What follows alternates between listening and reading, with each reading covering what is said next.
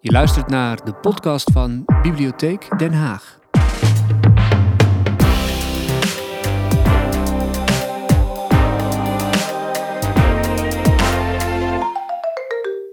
Uh, hartelijk welkom iedereen.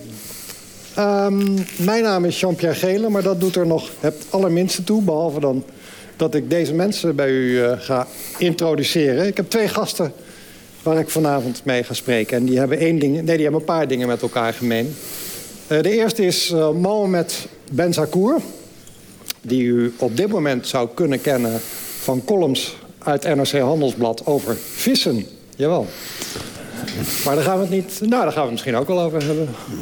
Um, maar de reden waarom we hem vroegen om hier te komen. is gelegen in dit boek, Jemma. Dat boek is uh, al uit 2013. Een boek over zijn Marokkaanse moeder. Een stil leven van een Marokkaanse moeder.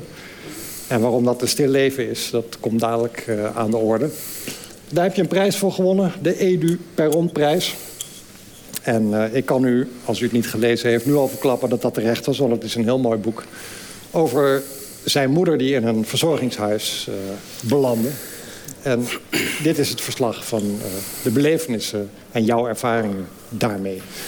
De andere gast is uh, Marcel van Roosmalen. Die kent u allemaal als voetbalmiljonair.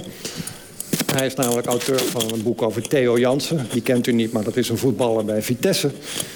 En daar sta je nu sta je al op één in de top 60, 100? Uh... Ik sta op 7. Op 7? Ja. Niet in jouw eigen krant NRC Handelsblad trouwens? Nee, dat is totaal onvermeld uh, gebleven. Ja. Maar vind ik helemaal niet erg. Uh, kan er prima mee leven. Ja, precies. Dit is overigens ook helemaal niet de reden waarom we jou uh, een tijdje geleden al vroegen voor deze avond. Um, eigenlijk zou vanavond het eerste exemplaar jou overhandigd worden van het boek dat letterlijk morgen dan verschijnt over jouw moeder. Uh, maar helaas, dat is mislukt. Hoe zit dat? Uh, nee, ik heb geen idee. Het, het, zou hier worden gebracht. Het is uh, niet gearriveerd. En maar... het is jammer. En jij... voor mij eigenlijk nog het meest, vind ik. Maar ik geloof dat jij nu in de veronderstelling verkeert... dat het fysiek hier 50 nou ja, meter verderop... De boekhandelaar, daar zou het bij worden gearriveerd... maar die, die weigert verder ook om nog een keer terug te gaan naar de, naar de overkant... Dus ik, uh, ik leg me erbij neer. het is niet nou anders. Uh, dan heffen we de avond op. Dat, dit was ja, het. Maar goed, ik kan er wel over vertellen. ja, want wat deze twee mannen bindt... is dat zij allebei dus een boek schreven over hun moeder. Dat had ik nog niet verteld, maar Marcel is ook columnist bij NRC Handelsblad... en schrijft met enige regelmaat daarin ook over zijn moeder... Um, een aantal van die stukken, plus nog wat, wat eigen werk daaromheen... volgens mij, als ik het goed gelezen heb, uh, is nu gebundeld. Onder de titel... Ja, er gebeurt... Nee, sorry. Um, het, wat, wat, was de titel ook weer? Het zijn uh, de kleine het dingen zijn de kleine dingen die het hem doen. Ja, ja zie je wel dat ik het boek ook nog niet gezien heb. Overigens een titel die ik niet heb verzonnen. Die heeft de uitgeverij verzonnen. Oh. De, de oorspronkelijke titel was... Uh, ik zeg toch niet dat je dood moet. Maar dat vonden ze... Ja, er wordt nu gelachen, maar er werd mij toch echt op het hart gedrukt... dat dat niet humoristisch was. Dus nou is het dit geworden. Hmm, kun je ermee leven? Ik kan ermee leven, ja. Oké. Okay. um, daar gaan we het uh, dadelijk over hebben. Maar ik wilde eigenlijk beginnen met, uh, met Mohammed. Nee, ik wil eigenlijk eerst nog iets anders zeggen. Ik zie tot mijn uh, lichte verrassing dat er ook vrouwen in de zaal zitten. Dat was natuurlijk niet de bedoeling. Er werd op, op Twitter werd ons, van althans de organisatie verweten... drie mannen over vrouwen. Dat uh, mag natuurlijk niet. Ik, zijn er mensen hier die dat ook vinden trouwens? Eerlijk zeggen. Ja, daar is een mevrouw. Ja. Vertel even, wat, wat is het verwijt precies? Er had best een vrouw tussen kunnen zitten, vindt mevrouw. Ja, ja, uh, had inderdaad gekund, maar... Ik ja, geloof... van de andere kant kan ik vanuit deze plek uh, zeggen... van er had ook best een man tussen mogen zitten. maar dat is een grapje. Ja, de ironie wil dat de organisatie van deze avond uh, in handen is... van uh, inmiddels een zestal vrouwen met wie ik te maken heb gehad. Uh, inclusief de bedenker van het programma. Uh, maar ik dacht, laat ik water bij de wijn doen. Uh, wat mij betreft zijn vrouwen welkom, maar die waren toch al gekomen. En ze mogen ook wat zeggen vanavond, als u wilt. Dan, uh, tenzij andere mensen daar weer op tegen zijn. Dan, ik wil ook niet moeilijk doen, maar...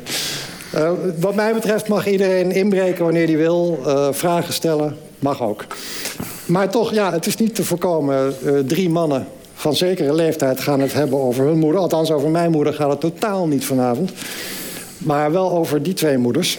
Want zij hebben besloten een boek te schrijven. Ik wilde met Mohamed beginnen. Jij, jouw moeder, we hebben het over 2013, nee daarvoor al waarschijnlijk. Jouw moeder belandde in een verzorgingstehuis. Waarom was dat ook alweer? Uh, dat was Oké, nu doet hij het wel, geloof ik, ja.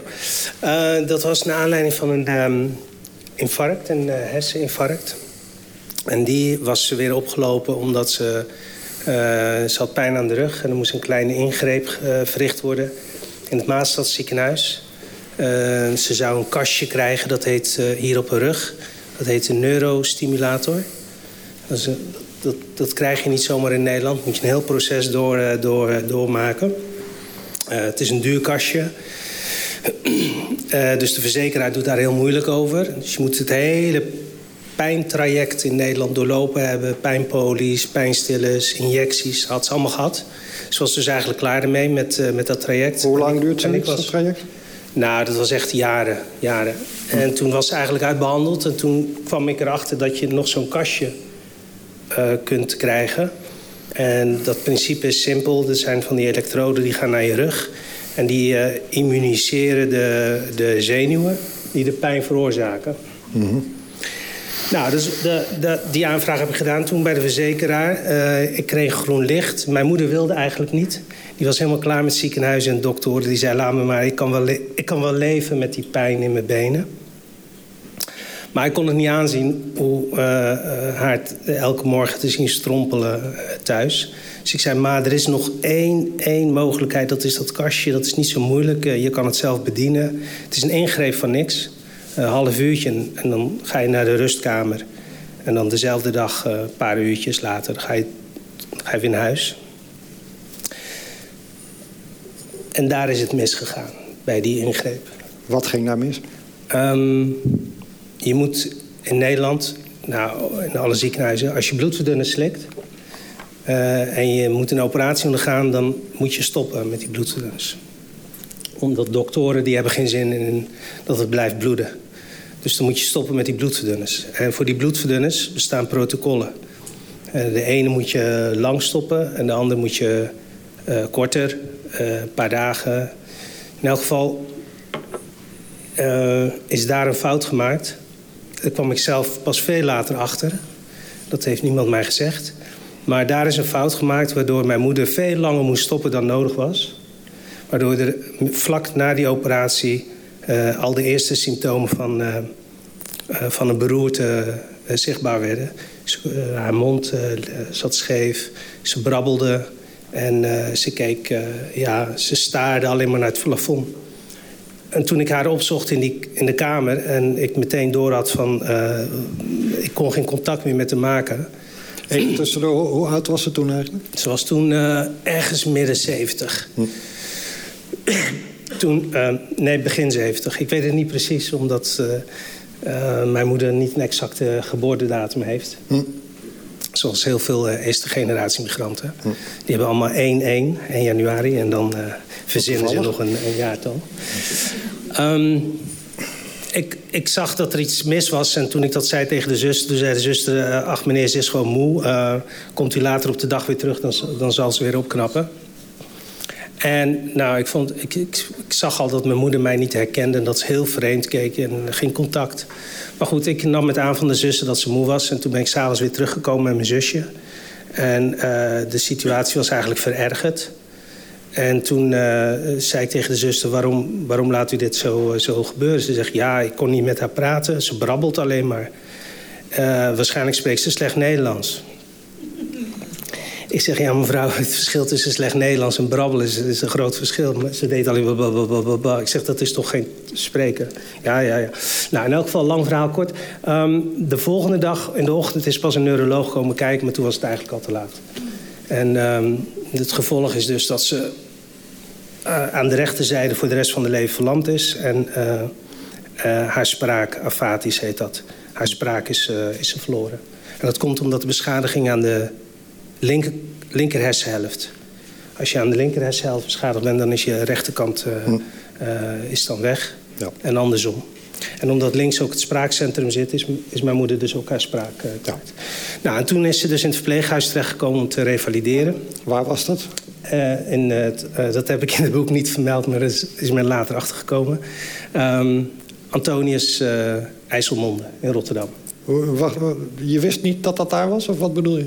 Nee, ik heb het niet vermeld in het boek, dat, dat oh. het, hoe het verpleeghuis heet. Oh, op die manier, dus ja. Het, het, boek gaat over dat jaartje in het verpleeghuis en dat heb ik niet vermeld. Waarom niet eigenlijk? Nou, omdat ik wilde dat omdat er daar dingen gebeurden, die wilde ik niet ophangen aan het verpleeghuis. Ik wilde het algemener houden. Hm. En, uh, maar toen is een Belgische cameraploeg... die wilde daar een reportage van maken van het boek. En die wilde wel weten natuurlijk waar het, ziekenhuis, waar het verpleeghuis is. Dus ja, op een gegeven moment is het naar buiten gekomen. En toen dacht ik, hm. nou ja, maakt niet uit. Ook alle namen van zusters en verpleegsters en artsen... heb ik ook allemaal niet genoemd. Hm. heb ik alleen met, alleen met initialen. Maar goed, dat is, dat is in, heel, in heel kort het, het verhaal. En het boek gaat over dat jaar dat mijn moeder dus in het verpleeghuis uh, belandde... en waar ik elke dag, uh, bijna elke dag op bezoek kwam. Ja. Ik denk eigenlijk, uh, dat wilde ik je toch al vragen... Uh, om een indruk te krijgen van hoe je dat hebt gedaan...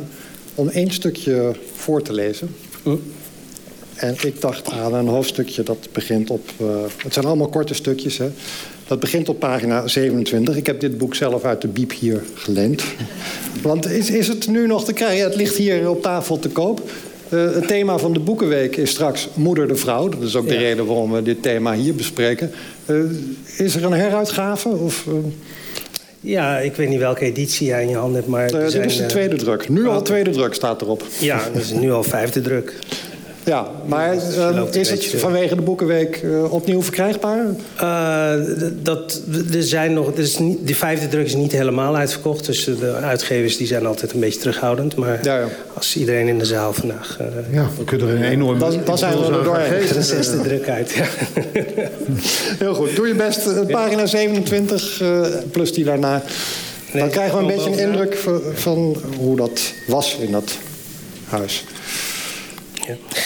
Uh, de dag zat er weer op. Ik had de strijd tegen de klok gewonnen. Ik had zes uur gehaald. Opluchting. Maar tegelijk was daar de angst voor het afscheid. Het verdriet in die ogen als ik haar gedag kuste. Die deerniswekkende blik als ik haar in die grote kantine... waar ze op niemand anders kon terugvallen dan op zichzelf moest achterlaten. Soms bad ik dat ze in een eeuwige droomloze slaap zou vallen. Hoe deden we dat vroeger eigenlijk, afscheid nemen? Ik zie haar staan in de deuropening, keurig gekleed, een beetje Nivea op, dat, op de rossige glimmende appelwangetjes. Altijd begeleidde ze je tot de voordeur, met haar krakkemikkige benen, onverschillig voor de koude. Dan stond ze daar in de deuropening, zwaaiend tot je helemaal uit zicht was verdwenen. En altijd stopte ze je wat toe, altijd iets eetbaars. Een vers brood, een zak tomaten, een paar sinaasappels, een trosje bananen. Ik zeg nadrukkelijk eetbaars in plaats van lekkers. Want maagvulling was belangrijker voor mijn moeder dan smaak. Smaak was een prettige bijkomstigheid, niet de hoofdzaak. Na een maaltijd vroeg mijn moeder ook nooit: Heeft het gesmaakt? Maar altijd: Heb je genoeg? Maar nu moest ik haar achterlaten in de kantine van een revalidatiecentrum. Klein als een muis, geboeid in een stoel op wieltjes, gekluisterd aan een tafeltje met daarop een half bekertje melk, een half kommetje havermoutpap, een kapotte cracker en een paar sneetjes brood met smeerkaas. En om haar heen mensen met wie ze geen woord kon wisselen en die enkel blikken naar haar en haar hoofddoek wierpen. Wie had dit. Is, is het genoeg? Nee, je moet het hele hoofdstukje afmaken. Ik het hele Even door. Ook al kun je niet meer tegen. Nee, ik ga uh, Wie had dit eindstation kunnen bevroeden? Wie had kunnen voorzien toen ze in 1974 ons vrolijke dorp achterliet met mij in de armen en de zonneschijn als een halo achter haar hoofd? dat haar lot, naar haar een schemerig, dat haar lot haar naar een schemerig verpleeghuis zou voeren aan de rand van een gure, natte regio genaamd IJsselmonde. En zo arm dat je. Oh, wacht. ik sloeg een bladzijde over. Uh, ben je nou naadloos een dus. ander verhaaltje over Ik vond het al zo'n rare overgang. Um, wie had zich dit slotakkoord zo voorgesteld? Ik probeerde luchtig te doen, maar er was niets luchtigs aan. Ik beloofde de volgende dag weer te komen met lekkere hapjes. En dat we gezellig zouden gaan winkelen en koffie drinken bij de HEMA. Maar ik kon haar tranen niet stoppen terwijl intussen mijn hart aan diggelen brak omdat we beiden hetzelfde dachten. Haar leven is voorgoed kapot. Niets kan haar nog redden. Niemand, ook God niet, ook Allah niet. Hij had op zijn deur een bord geplaatst, wegens vakantie gesloten. Moeder, zei ik, het is laat, ik moet nu echt gaan. Ik kuste nogmaals haar hoofd en zij kneep ijzig mijn hand vast en liet niet los. Ik voelde de klamme warmte van haar hand, de broze botjes. Ze keek me aan met die kleine, ronde, vochtige ogen. Het komt goed, mama, het komt goed. Binnenkort mag je naar huis. Al wist ik beter. Voorzichtig trok ik mijn hand los en liep weg. Bij de hoek draaide ik mij om. Ik zwaaide nogmaals. Een piepklein vogeltje, in de steek gelaten op een ijsblok... in de onmetelijke leegte van de Noordpool. Ik heb het koud, mijn zoon, laten we teruggaan. Maar er is geen weg terug, moeder. Het schip is verpletterd.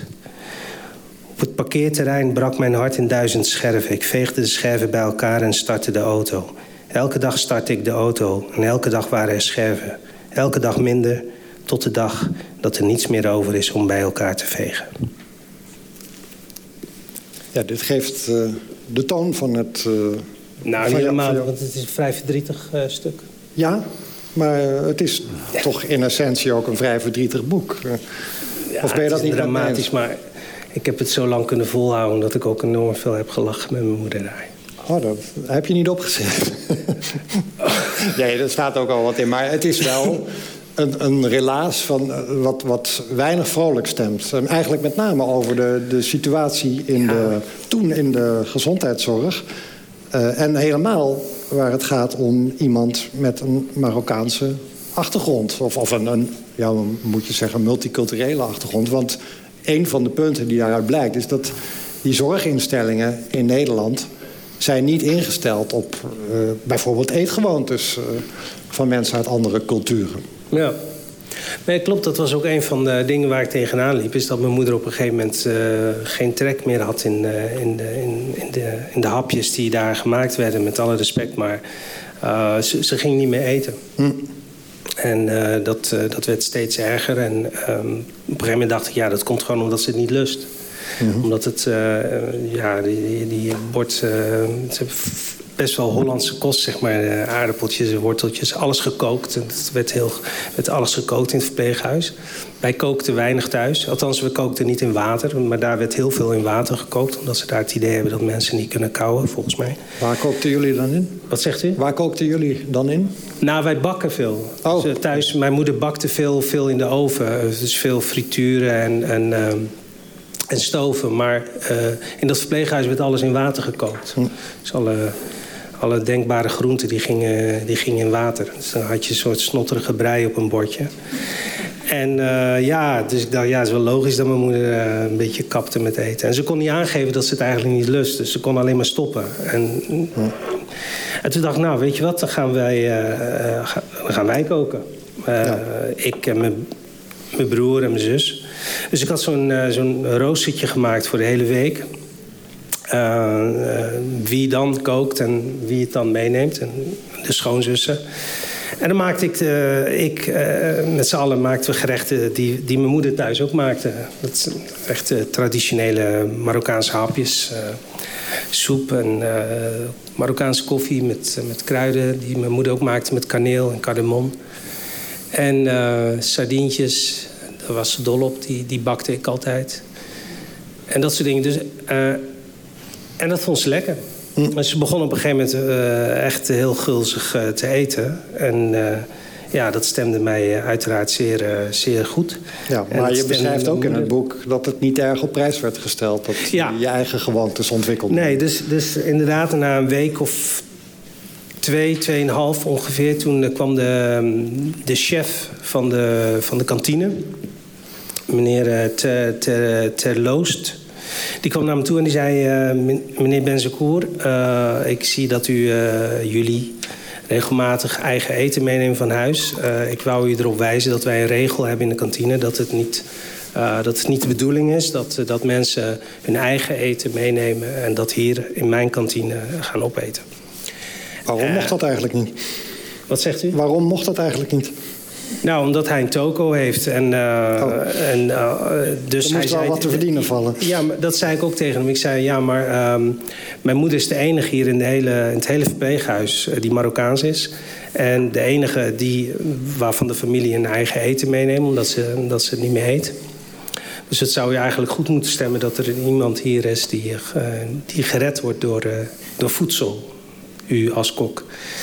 Um, nee, zei hij, wij hebben hier regels en uh, ik mag geen uitzondering maken. Uh, als, als ik het u toelaat, dan moet ik het iedereen toelaten. Maar ik zei, ja, maar niet iedereen doet het, alleen wij. Dus, dus als u failliet gaat door het feit dat wij uh, ons eigen kostje... nee, nee, nee, dat was, dat, dat mocht niet... nou, hij zei, het mag wel, maar niet in de kantine. Dus het mag in de tuin en, of op de kamer. En... Nou, uh, dat heb ik ook overwogen op de kamer. Uh, dat ging niet, het was allemaal veel te krap. En uh, er zaten allemaal bedden en het was niet praktisch. En in de tuin, in de, in de periode dat hij tegen me zei, kon het nog. Dat was nog redelijk, redelijk was een beetje aan het einde van de zomer. maar ook, de, dus we hebben een tijdje in de tuin gezeten. maar ook dat liep ten einde. En toen konden we in de regen en in de kou niet meer in de tuin nam ik er wel eens mee naar, eh, naar Verhagen. Gingen daar stiekem. Eh. Maar ook, ook, dat mocht niet bij Verhagen. Uh, en toen kwam er een uh, geheel onbedoeld een klein uitweggetje op mijn pad. Ik ontdekte in de lift, het was per ongeluk, ik drukte op een knopje en toen kwam ik, ik dacht dat ik naar de begane grond ging, maar het was de kelder. Dus ik, ik kwam in de kelder terecht en ik liep eruit en toen dacht ik, hé, wat is dit? Ik vond het wel een interessante ruimte met al die kapotte rolstoelen en die uh, proviantkasten en, die slingers. Dus ik zat een beetje zo te, te snuffelen. Uh, ik verveelde me toch dood daar in het verpleeghuis. En, um, en ik kwam in een rommelhok met, uh, met allemaal blikken met perziken en kersen en um, Vol met erwten die allemaal gebruikt werden voor, voor, de, voor de, de keuken. Um, en dat rommelhok had ook nog dozen met allemaal kerstversiersels, ballen en kaarsen. En ik vond het een heel spannend hok. En ik zag ook dat, dat er een tafeltje was. En toen dacht ik, wacht even misschien. Nou ja, dus ik heb daar drie, ongeveer drie maanden heb ik daar mijn moeder stiekem uh, bij kaarslicht. hebben wij gedineerd. Ben je nog tegen de lamp gelopen of viel het mee? Nee, we zijn nooit tegen de lamp gelopen. En nooit iemand ons betrapt daar in die kelder, in dat hok. Maar op, op een dag, toen, toen we daar weer stiekem gingen met, met die tassen... met allemaal eten uit, van huis... toen zat er een kettingslot op, op, op het hok had iemand het uh, op slot gezet. En toen hield dat feest ook op. Maar toen begon het al een klein beetje warmer weer te worden uh, buiten. Dus toen konden we weer, weer in de tuin gaan zitten. Met andere woorden, het is een kwestie van overleven in zo'n verzorgingstehuis eigenlijk. Nou ja, in, in haar geval wel. Ik, ik, door, mijn, uh, nou ja, door mijn creativiteit of mijn, uh, mijn koppigheid... Uh, heb ik wel ervoor gezorgd dat ze toch bleef eten... en daardoor ja. aansterkt. En ze leeft nog steeds. Dat wou ik nog vragen. Ja, hoe is het met ja. haar? Nou, ze, is, dus, ze heeft dus een jaar in dat, in dat huis uh, gezeten. En, totdat er een, een, woning vrij kwam in Zwijndrecht... waar ze weer kon wonen met mijn vader. En, dat heet dan een, een, een WMO-woning. Dat is een aangepast op rolstoel en zo, gelijkvloers. Mm -hmm. Ja, daar zit ze nu al een jaartje of acht met mijn vader. En mm. ze krijgt zorg aan huis. Op negen hoog is eigenlijk niet ideaal voor oude mensen op negen hoog. Maar goed, uh, het gaat zoals het gaat. Het, uh, opname in een verpleeghuis is geen optie. Hm. Het, uh, in de regio waar wij vandaan komen is, is, er niet een geschikte locatie voor, voor, voor mensen als mijn moeder. En ook niet voor mijn vader. Die man is ook 87. En die zorgt nu dus eigenlijk voor mijn moeder. En uh, dat kan eigenlijk niet. Maar goed, wij als maar, kinderen, wij proberen allemaal dat, iets te doen. Het, het, boek wat jij hierover schreef, over die maanden dat ze in dat verzorgingstehuis zat... Ja. dat leest wel een beetje als een, een een aanklacht bijna tegen de toestanden in de... Mm. Het is ook een liefdesverklaring tegenover je moeder, maar Ja. eh, in die zin ontroerend. Maar het is ook een, een kille beschrijving van de praktijken in zo'n verzorgingstehuis. Nou, nou kijk, ehm, toen ik begon aan dit boek... ik wilde eigenlijk niet eens een boek schrijven over mijn moeder... want het, ik vond het allemaal vrij gênant. En eh, ik wist dat als ik zou gaan schrijven, dan zou ik eerlijk zijn. Dan zou ik ook echt alles noteren wat ik zag. Dus ook de gênante situaties... eh, Behalve de naam van het verzorgingstehuis. Behalve de namen, dat vond ik, dat vond ik gewoon kies. Ja. Om dat niet te doen en ook de naam van de mensen. Ja. Maar ik vond wel dat ik de taferelen en de incidenten... eh, in het toilet en de, de verschoning... en met wat er met de voeten is gebeurd en zo... ik vond dat ik dat wel allemaal moest schrijven. Maar ik dacht, ja... ehm, ik wist dat het in de familie niet goed zou vallen... omdat eh, het is niet alleen mijn moeder. Het is ook de moeder van mijn broer. Het is ook de moeder van mijn zus. En die staan daar anders tegen dan wanneer ik dit soort gênante dingen... waarin ik ook intieme dingen van mijn moeder ook heb beschreven. En dat is ook gebleken dat met name mijn broer was helemaal niet blij met dit boek. Uh, en ik vond dat ik niet dat alleen recht had. Maar ik ben... ehm, ik ben overgehaald door een eh, vriend eigenlijk die eh, stiekem... eh, want ik maakte aantekeningen als ik daar zat. Eh, ik verveelde me dood, dus ik ging aantekeningen maken. Gewoon gedachten en impressies. En die bewaarde ik. Dat waren allemaal kleine stukjes papier. En die vriend van mij die kwam een keer bij me eten... en die, die heeft die papiertjes gezien. Die had ik, bewaarde ik in een doos, in een uh, schoenendoos. En toen heeft hij, zat, hij te, zat hij ze te lezen en ik was in de keuken aan het koken. En hij vond dat bijzonder en hij heeft dat meegenomen. En hij heeft het naderhand naar de uitgever, naar mijn uitgever gestuurd. Oh, zonder en, dat jij het wist? Zonder dat ik het wist. Doe maar, dat zijn nou je vrienden. Uh, aan uh, mijn redacteur en mijn uitgever van... vindt u ook dat, dat hier een boek in zit? Hm. Hij had het met mij er wel over gehad en ik zei... nee, dat ga ik niet doen. Ik ga niet over mijn moeder schrijven. Ik schrijf over andere dingen. En... Uh, en toen werd ik gebeld, een paar dagen later, door mijn uitgever. En die, zei, en die heeft het verhaal verteld. Die zei, we hebben een, een brief gekregen van een vriend van jou. Met hm. allemaal uh, stukjes aantekeningen. We hebben dat hier gelezen. En uh, we zouden het inderdaad mooi vinden als jij hier een boek van maakt. Hm. En toen hebben we nog een heel indringend gesprek gehad. En, en ik heb toen gedacht, oké, okay, maar dan ga ik ook echt alles schrijven. Ook alles zeggen. Ja, maar is het een aanklacht wat jou betreft? Wat zeg je? Is het een aanklacht wat jou betreft? Nee, ik vind het geen aanklacht. Ik vind, kijk, ik, toen, ik, toen ik hieraan begon, wilde ik eigenlijk... Het enige wat ik wilde was een stem geven aan een moeder... die geen stem meer heeft, letterlijk mm -hmm. geen stem meer heeft. Ja. En die nooit heeft kunnen schrijven, nooit heeft kunnen lezen. Dus een analfabeet. Dus ik wilde gewoon iets neerzetten, een monumentje, een liefdesverklaring... aan een hele bijzondere vrouw die anoniem heeft geleefd. Haar hele leven, niemand weet van haar bestaan.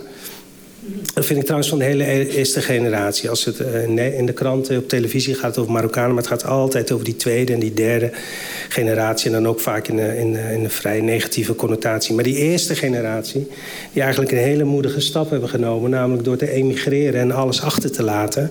Huis en haard. En in een totaal nieuwe, vreemde... Ja, vreemde omgeving waar ze tot op de dag van vandaag nooit echt geaard hebben. Mm -hmm. Emotioneel nooit geaard hebben met één been eigenlijk nog steeds in het land van herkomst zitten.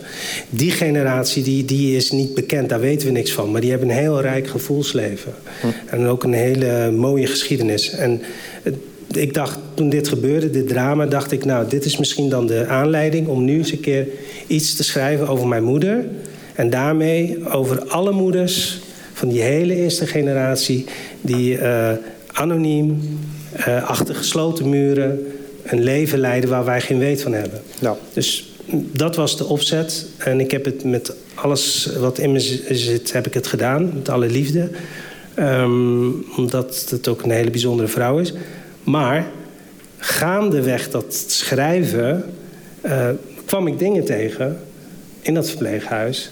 Ja, waar, ik, waar ik van schrok. En ja. waar ik waar ik verbijsterd over was. Maar ook mooie dingen hoor. Ik bedoel, het is nou, niet alleen maar ellende. Maar er waren ook echt er waren ook zusters waar je gewoon verliefd op werd. Zo prachtig. Als zij hun vak invulling geven. Maar uh, ik kwam ook hele schrijnende dingen tegen. Waar ik van schrok. Anno 9, 2013, 2014. Hm. Dat dat nog kan in Rotterdam.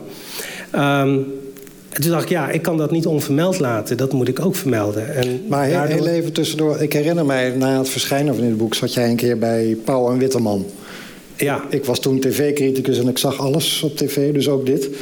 En toen zei jij uh, uh, iets van... Jij, jij, voorspelde toen eigenlijk een, nog een groot probleem dat er aan zat te komen... binnen een jaar of tien. Nou, inmiddels zijn we zo'n zes jaar verder. Ja. Dus het moet bijna zover zijn.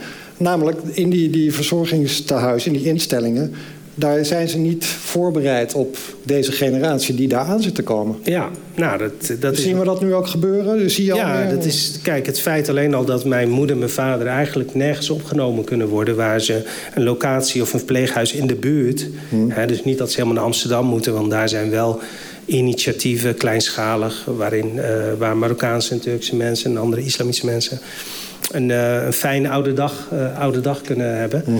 Maar in mijn regio bijvoorbeeld is er helemaal niets. Ik heb echt alles uh, plat gebeld en gezocht. Jouw regio is Zwijndrecht, hè? Zwijndrecht, Dordrecht, Drechtsteden. Ja. En je had die, die Hendrikie de Ambacht en zo. Vrij ja, christelijk gebied. Maar ben je dan eigenlijk op zoek naar instellingen... waar mensen met een Marokkaanse achtergrond uh, met z'n allen samen kunnen zitten... of naar instellingen waar ze ook voorzieningen hebben voor mensen met die achtergrond? Nou ja, dat, dat laatste zou al mooi zijn. Hm. Uh, maar zelfs dat is het nauwelijks. En, um, en dat is een ingewikkeld probleem, hoor, want het heeft ook mee te maken dat uh, Turkse mensen, Marokkaanse mensen, niet zo snel hun ouders uh, laten opnemen. Hm. En dat heeft ermee te maken dat omdat het is ingebakken in die cultuur, heel sterk, dat. uh,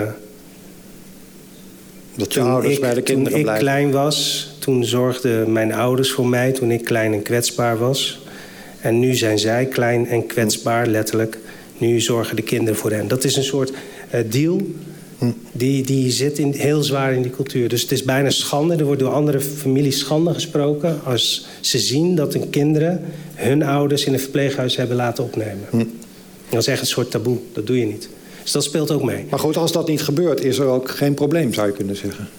Nee, maar het probleem is nu uh, is, is dubbel. Is dat die kinderen het niet meer aankunnen om ze thuis te houden. Want de situatie in Nederland is heel anders dan in Marokko en Turkije. Daar hebben ze grote huizen. Daar kunnen de, de, de ouders kunnen boven of beneden. En de kinderen, de kleinkinderen, weet je, allemaal in één groot pand. Dat gaat hier niet. Uh, de huizenprijzen zijn best duur geworden. dus je kan, je kan, ze zitten allemaal in kleine flatjes. En ja. ze kunnen de ouders niet opnemen bij, uh, bij, bij hun. Hm. Dat is één. En, en twee is dat... Uh, ja, ook aan de andere kant er geen accommodaties worden aangeboden. Waarin, ja, als er één schaap over de dam is, dan volgen er meer. Als, als er één familie zegt van nou, het is best fijn daar. Daar kunnen we gewoon, hebben ze televisies, uh, kanalen waar we ook kunnen afstemmen op Arabische zenders. En uh, er is een gebedsruimte waar we kunnen bidden. Uh, de kantine is mediterraan of is Afrikaans. En ehm, er mogen meer familieleden op bezoek komen dan alleen die strikte twee, twee per avond, weet je wel. Mm -hmm. Allemaal kleine dingetjes als er één familie is die, die, die, die, die dat uitstraalt van nou, dit is hier fijn, dan zullen er meer volgen. Ja. En ja, uh, ja dus dat maakt het wel ingewikkeld. Toen ik uh, voor deze avond dit boek nog eens las, toen moest ik ook een beetje denken aan Hugo Borst. Zijn actie over, over het verzorgingstehuis waar zijn moeder dan in beland is. Ja. En die is overleden inmiddels. Die heeft ongelooflijk veel succes gehad, zou je kunnen zeggen. Uh, jij zou ook een rol kunnen spelen in dit fenomeen wat jij net beschreef. Nou ja, ik heb het manifest van Hugo Borst ook, uh, ook uh, gelezen en gezien. Ik heb hem ook gesproken een paar keer. Mm -hmm. En uh, ik, ik, sta helemaal achter het manifest. Want kijk, heel veel problemen die ik aankaart in mijn boek... die, mm -hmm. die zijn niet alleen maar te herleiden tot het feit... dat mijn moeder een andere culturele achtergrond heeft. Nee, dat begrijp ik. Maar de problemen die daar juist wel toe te herleiden zijn... Ja. die zou jij kunnen aanstippen. Ja, dus ik, dat zei ik ook tegen Hugo. Ik zeg, ik mis één paragraaf in jouw manifest. Ja, wat zei hij toen? Ja, hij zei, nou, dat, het is voor de volgende keer... dan moet jij die paragraaf maar schrijven. Ja, dat zou ik ook gezegd hebben in zijn geval. Maar wat, ja. let, je, wat let je? Nee, dat gaat eraan komen. Vertel, we, we maken nieuws. Dit wordt live gestreamd, geloof ik. Uh, wat ga je doen? Nou ja, ik, ik wil ook zo'n manifest gaan schrijven. Maar, maar dan uh, dus dat multiculturele paragraafje eraan toevoegen. Hm. Want uh, ik, ik, sta achter alles, want alles wat hij, wat hij, wat hij noemt heb ik ook gezien. Ja. Ik heb bijvoorbeeld dat mijn moeder uh, s'nachts op een afdeling zat... waar, ik heb ze geteld, 22, nee, 23 uh, andere cliënten zaten... die, hm. Die allemaal, uh, allemaal schreeuwden van de pijn. De een wilde naar het toilet, de ander had medicijn nodig, de ander moet verschoond worden. De ander... En er was maar één nachtzuster. Hm. Is één nachtzuster die echt het vuur uit de sloffen liep om ze allemaal tevreden te houden. Ja. Nou, en, uh, en, maar ik heb ook de, de, inzage gehad in de begrotingen van, van die locatie. Waar, waar om te beginnen drie directeuren een, een boven balken en de norm salaris hebben. En, um, en, en dus s'nachts één zuster op 23 bedden. Dat ja. kon ik niet helemaal Ja, maar wat je nu schetst, dat is eigenlijk wat Hugo Borst... Nee, nee, precies. Nee, maar daarom wil ik zeggen dat wat Hugo Borst zei... dat is precies ook dingen waar ik tegenaan kwam. Ja. Alleen, maar nu, maar nu dat, dat andere ja. aspect. Ja. Daar, daar wil jij een rol in gaan spelen, zei je net. Nou ja, daar, daar, dus het boek van Hugo en mijn boek samen... dat moet voor een revolutie zorgen in Nederland. Ja, ja, nee, ik kreeg even de indruk dat er binnenkort iets nieuws aan zat te komen van je. Van mij? Ja, van jou. Nou ja, ik, ben nu, ik zit nu in een, in een commissie uh, um, met een aantal ziekenhuizen... Mm. en een aantal specialisten en artsen en uh, mensen, professionals uit het veld. En wij zijn uh, voornemens om een groot ja, discussiestuk of manifest, of hoe je het noemen wil, uh, uit te gaan brengen. Waarin we aandacht vragen voor een groot probleem wat op mm. ons afkomt. En waar uh, Nederland, uh, ook het kabinet in, in al zijn begrotingen, niet, niet goed in beeld heeft. En wanneer kunnen we dat tegemoet zien? Ja, ik kan je geen datum uh, geven, maar uh, uh, ik, ik, hoop wel dat dat, dat dat dit jaar gaat plaatsvinden. Ja. Ben je een beetje dik met Matthijs van Nieuwkerk of niet? Wat zeg je? Ben je een beetje dik met Matthijs van Nieuwkerk of niet? Dat wil wel eens helpen als je even op of tv... Daar, ja, ik heb zelf geen tv meer in huis. Oh ja, dan gaat dat zo. Ik, ik heb heel veel gemist van, van Matthijs. Maar ik hoorde dat, dat als je daar aan tafel uh, zit... en ook al is je boek uh, belabberd slecht... dat het toch uh, behoorlijk verkoopt. Dat... dat... brengt ons op de volgende gast. Even kijken of de... Ik wilde toch... Ja. Hebben we geluid? Ja. Ik wilde inderdaad even... Nee, ik doe mijn best. Ik wilde inderdaad even overschakelen op uh, de andere gast, Marcel van Roosmalen... die toevallig ja. met zijn boek over Theo Jansen uh, bij De Wereld Draait Door zat. En we spraken elkaar net voor, de, voor deze avond eventjes. En toen zei je ook al dat je enigszins verrast was over wat je allemaal overkomt. Daar gaan we het misschien dadelijk wel over hebben. Um, maar jouw moeder, die zat niet in, zit niet in een verzorgingstehuis. maar ik sluit niet helemaal uit als ik jouw stukjes zo lees in NRC Handelsblad. En, en ook in het boek dat hier dus niet op tafel ligt. Dat dat er nog wel van gaat komen. Nou, dat denk ik eigenlijk niet. Wat is, wat is, er met haar aan de hand eigenlijk? Kun je dat uitleggen? Nou, ze is vooral oud. Uh, ze is 87. Daar heb je het uh, Nou goed, uh, ze, haar wereld wordt steeds kleiner. Mm. Al haar broers en zussen zijn dood. Mijn vader is dood. Al haar vriendinnen zijn uh, dood. Mm. Dus eigenlijk wordt je wereld uh, behoorlijk beperkt. En, uh, en, ze heeft wel kinderen. Ze heeft... Ja, en de rol van de kinderen wordt ongevraagd steeds groter. hoeveel en, kinderen zijn dat? Dat zijn drie kinderen. Ik ben de oudste. Ja. En dan heb ik nog een zus, die is verpleegster. Die woont mm. 20 kilometer verderop. -hmm. Ik woon 200 kilometer verderop. En ik heb een ge gehandicapte broer. Dus nou, die gaan elkaar niet helemaal verzorgen. Dus eigenlijk doen uh, mijn zus en ik uh, dat een beetje. Ja, en zij woont in Velp, hè? Zij woont in Velp. Ja, en uh, iedere NRC-lezer kan inmiddels weten dat jij in het schitterende Wormer woont. Ja. wat 200 kilometer verderop Ja, dat is een beetje overdreven. Het is denk ik 100, 125 ja. kilometer. En jij gaat desondanks geregeld op bezoek. Ja. En dat mogen wij als NRC-lezer uh, vaak...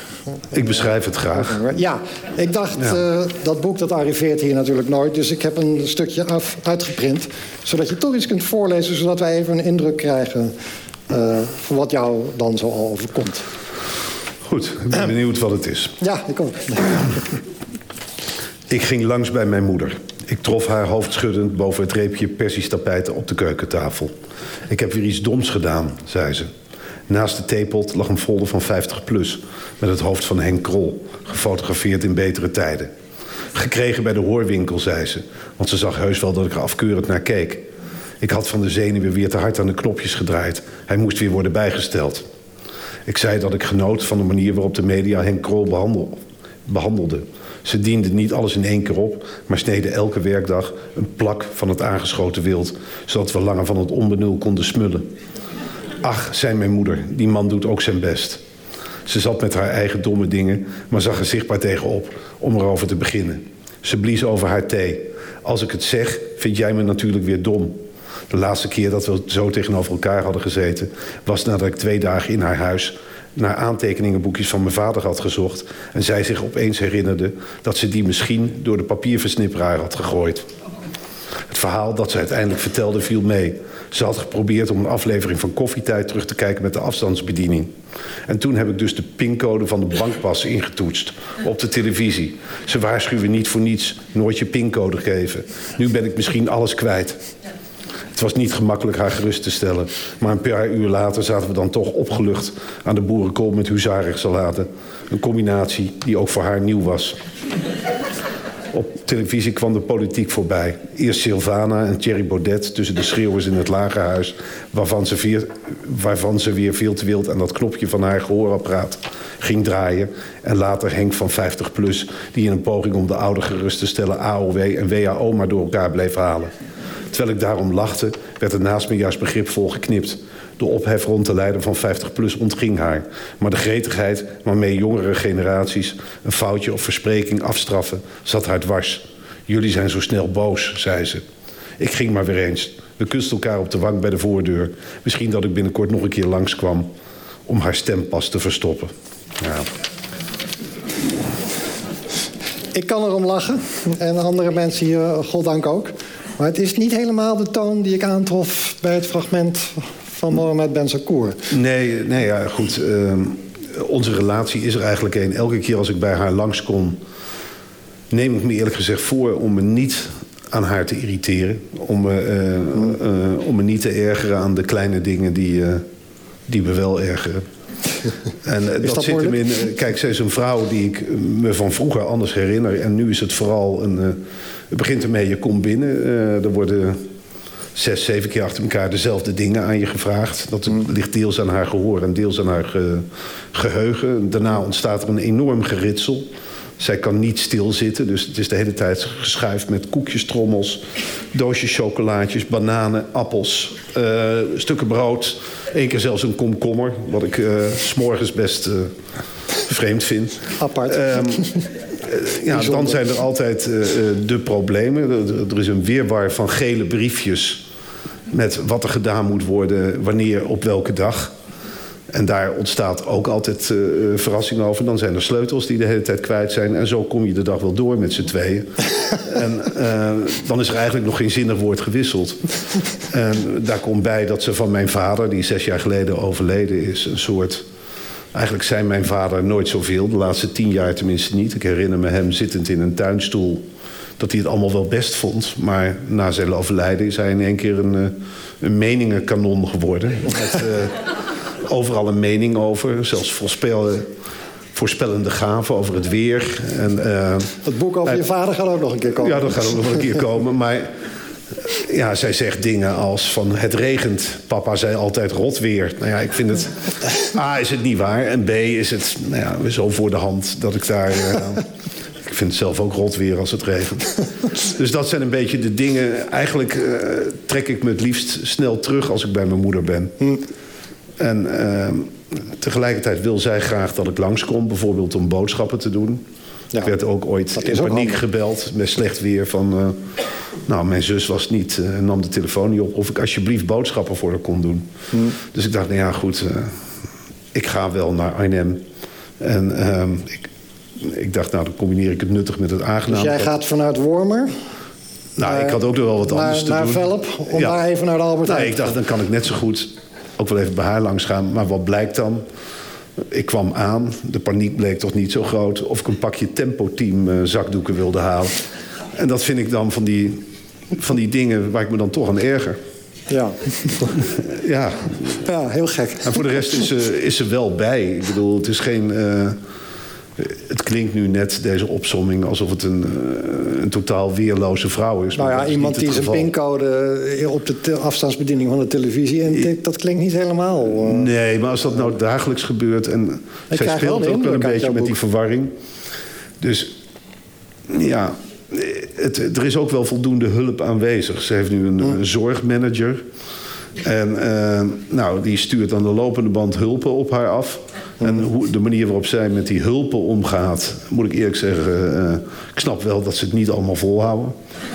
Eh, zij heeft meisjes van 19, die komen daar dan bijvoorbeeld de woonkamer en de douche schoonmaken. Maar zij gaat daar dan op één meter afstand achter staan om te zeggen waar het vuil is. Snap je? Eh, zij zegt dingen als, daar zit nog wat schimmel. En misschien moet je daar met dat doekje zo en iets harder wrijven. Dus dat zit er dan ook gewoon Je zei net, eh, het is langzaam een ander mens geworden. Herken je in dit gedrag nog iets van je oude moeder, je vroegere moeder? Of? Nou ja, zij was vroeger... wel- Wij hadden best een eh, aparte relatie. Zij was vrij dominant eh, aanwezig. Zij komt uit, uit Brabant en heeft heel lang in Arnhem volgehouden... haar Brabantse eh, gewoontes. Ja, nou klinkt dat net, het is geen ander land... maar toch is er een groot verschil Nou. tussen Brabant en Arnhem, kan ik je... eh, Ja, is dat... eh, ja, dat is echt een enorm verschil. Oké. En eh, zij was vrij dominant, dat is ze nog steeds. Alleen ze is natuurlijk wel afhankelijker geworden. Ze is ook wel wat liever geworden. Oh, dat wel. Vind ik wel. Hul- Hulpeloosheid eh, ja, is natuurlijk niet stom of zo. Alleen je weet niet zo goed wat je ermee moet, soms. Nee. Ik zie eh, jou met, met enige verbazing, tenzij ik me dat verbeeld, dit aanhoren. Kun jij je voorstellen dat jij zo over jouw moeder überhaupt zou spreken? Iets zegt mij van niet. Maar Wat is je vraag nog een keer? Of, of jij, als je dit hoort van Marcel... Hij, hij doet het hoor, de microfoon. Hallo, hallo? Ja, je hebt geluid. Ja, Je hebt geluid, Hoort er is bereik. Oké. Als jij dit hoort van Marcel, de manier waarop hij eh, praat over zijn moeder... kun jij je daar iets bij voorstellen als het om jouw moeder gaat? Nou, wat, eh, zoals Marcel over zijn eh, moeder praat... Dat is, dat is precies een beetje zoals mijn vader nu is geworden. Oh, En, eh, moet hij een boek schrijven? En ehm, ja, die komt er ook nog. En ehm, ik zou bijna jaloers zijn op Marcel. Dat zijn moeder nog met hem praat. En, Ook al is het een beetje verwarrend. En, eh, Maar er is nog communicatie mogelijk. En zij snapt hem en hij snapt haar. En ze eh, kibbelen een beetje en hij vindt het allemaal maar raar zo. Maar ik heb dat niet. Ik, ik, ben, ik zit tegen mijn tegenover mijn moeder en... eh, we kijken elkaar aan en, en, en ik zeg, wil je koffie? En dan kijkt ze me weer aan. En dan loop ik maar naar de keuken en dan ga ik wat zetten. En dan zie ik dat haar handje bij haar hart zit. En dan zie ik haar lippen prevelen. En dan weet ik dat ze aan het bidden is. Maar niemand verstaat dat. Ze is de hele dag door aan het bidden. eh, terwijl je maar vijf keer per dag hoeft te bidden. Voor haar het gevoel is het de hele dag een gebed. En ehm, en that's it. Ik, ik heb daar totaal geen... ehm, ja, alleen als ze op bed ligt, dan, dan s'avonds, dan ga ik haar masseren. Dan doe ik haar oortjes en haar voetjes. eh, en dat merk ik, zie ik aan haar dat ze, dat ze dan glundert. Dat ze helemaal glint en dat ze dat lekker vindt. Ja. Ja, ik vindt. moet wel zeggen dat ik, eh, als ik dat hoor, vind ik het wel heel liefdevol.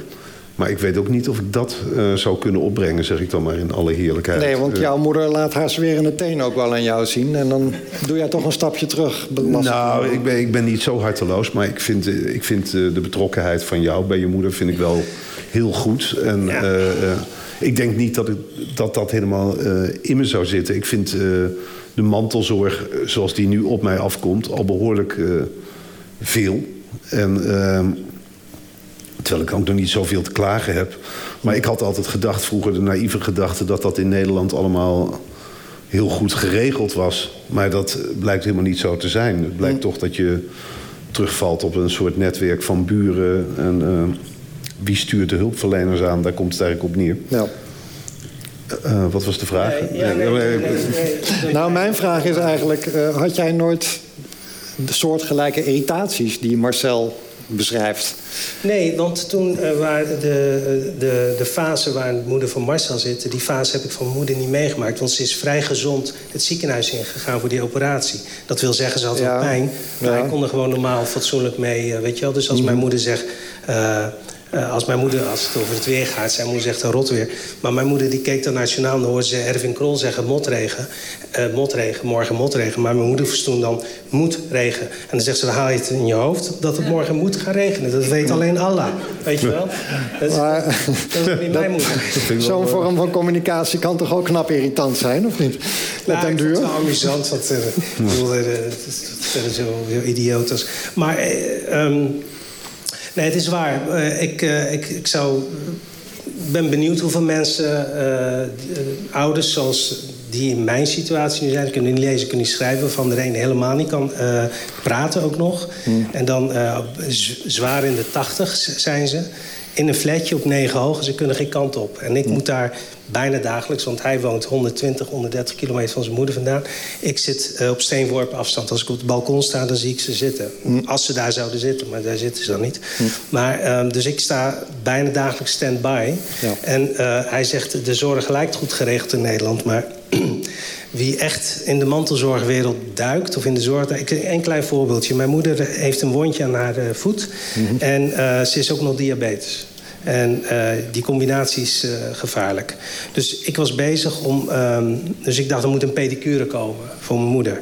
Nou, voordat er een pedicure is verschenen aan, eh, bij mijn moeder... zijn we echt... Ik, ik, ik overdrijf niet. Ik was drieënhalf week bezig om pedicure te regelen voor moeder. Want voordat, je, voordat er überhaupt actie ondernomen moet worden... moet er een machtiging komen van de huisarts. De huisarts moet een machtiging geven naar de podotherapeut. Er moet een podotherapeut komen die komt, checken naar, die komt kijken naar de voeten van de moeder. Die maakt een zorgprofiel. Er zijn vijf soorten zorgprofielen. Eén van die zorgprofielen heb je recht op een pedicure. Eh, de andere niet en de andere half, de andere dit. Dat moet gaan naar een zorgverzekeraar. Het moet dan ook nog een zorgverzekeraar zijn die gecontracteerd is met die podotherapeut.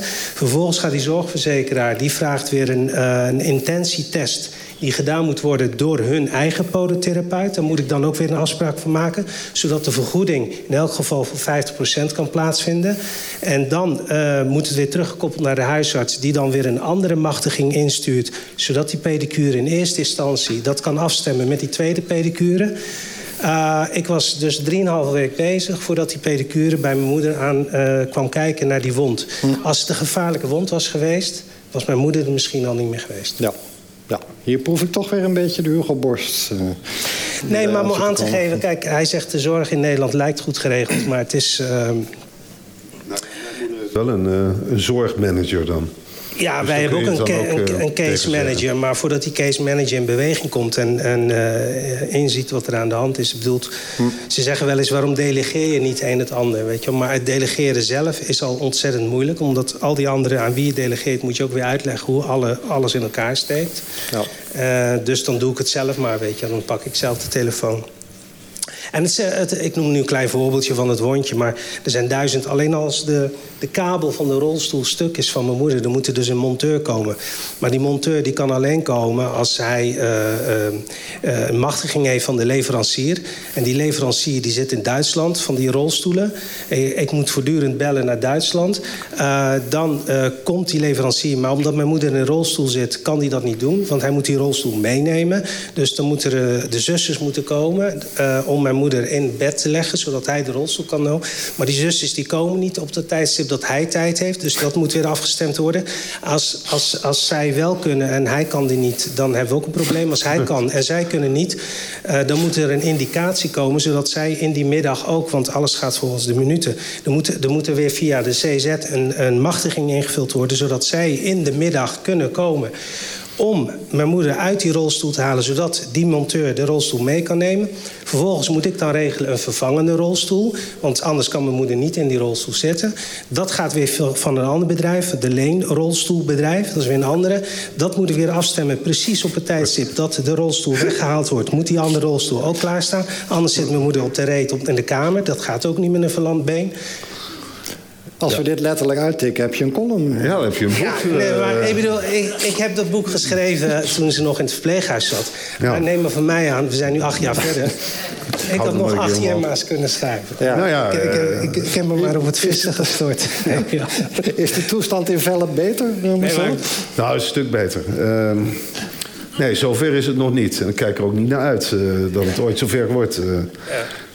Nee, uh, zo erg is het niet. Nee, want dat, dat wordt wel een beetje duidelijk. Uh, er moet wel iets gebeuren, geloof ik. nou, tegen mij? Of, nou, tegen allebei. Bij hem helemaal. Jullie zijn ervaringsdeskundigen. nou, er moet wel iets gebeuren, ja. Nou goed, we laten het een beetje op ons afkomen. Daar mm. komt het eigenlijk op neer. Ja. Ja. En, ja, daar steekt iemand een vinger omhoog. Echt waar, hebben we een vraag? Oh, dat is die vrouw die vond dat er geen... Ja, ja ik, als u hard praat, dan ga ik hem daarna herhalen. Ik, oh, de... is, meen ik, de moeder, de vrouw. Ja. ja. En wat ik vanavond hoor is de moeder, de vrouw, als slachtoffer. Ja, maar dat is bewust. Nee, dat is een grapje. Uh, ja, nee, uh, dat irriteert mij langzaam maar zeker enorm. Omdat het zo enorm gaat. Ik, ik vind dat jullie vrouwen onrecht aandoen omdat een vrouw niet alleen maar slachtoffer is in, in het verzorgingshuis. Ze is ook niet het slachtoffer van haar zoon die haar niet helemaal begrijpt. Uh, ik, ik vind eigenlijk dat, dat het Boekenweekthema hier onrecht wordt gedaan. Ja, maar wij pretenderen niet om alle vrouwen van de hele wereld hier aan tafel te behandelen. We hebben ook alleen maar steeds over één vrouw. En, en, en, en, en, de heer Benzakour zegt... Ik, ik, ik spreek voor alle moeders uh, in de vergelijkbare situatie als mijn moeder.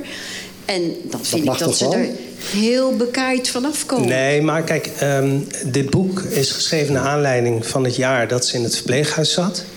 Maar ik heb in het boek haal ik voortdurend herinneringen aan de moeder wie ze was. Ja, maar mevrouw, ik heb maar één fragmentje voorgelezen.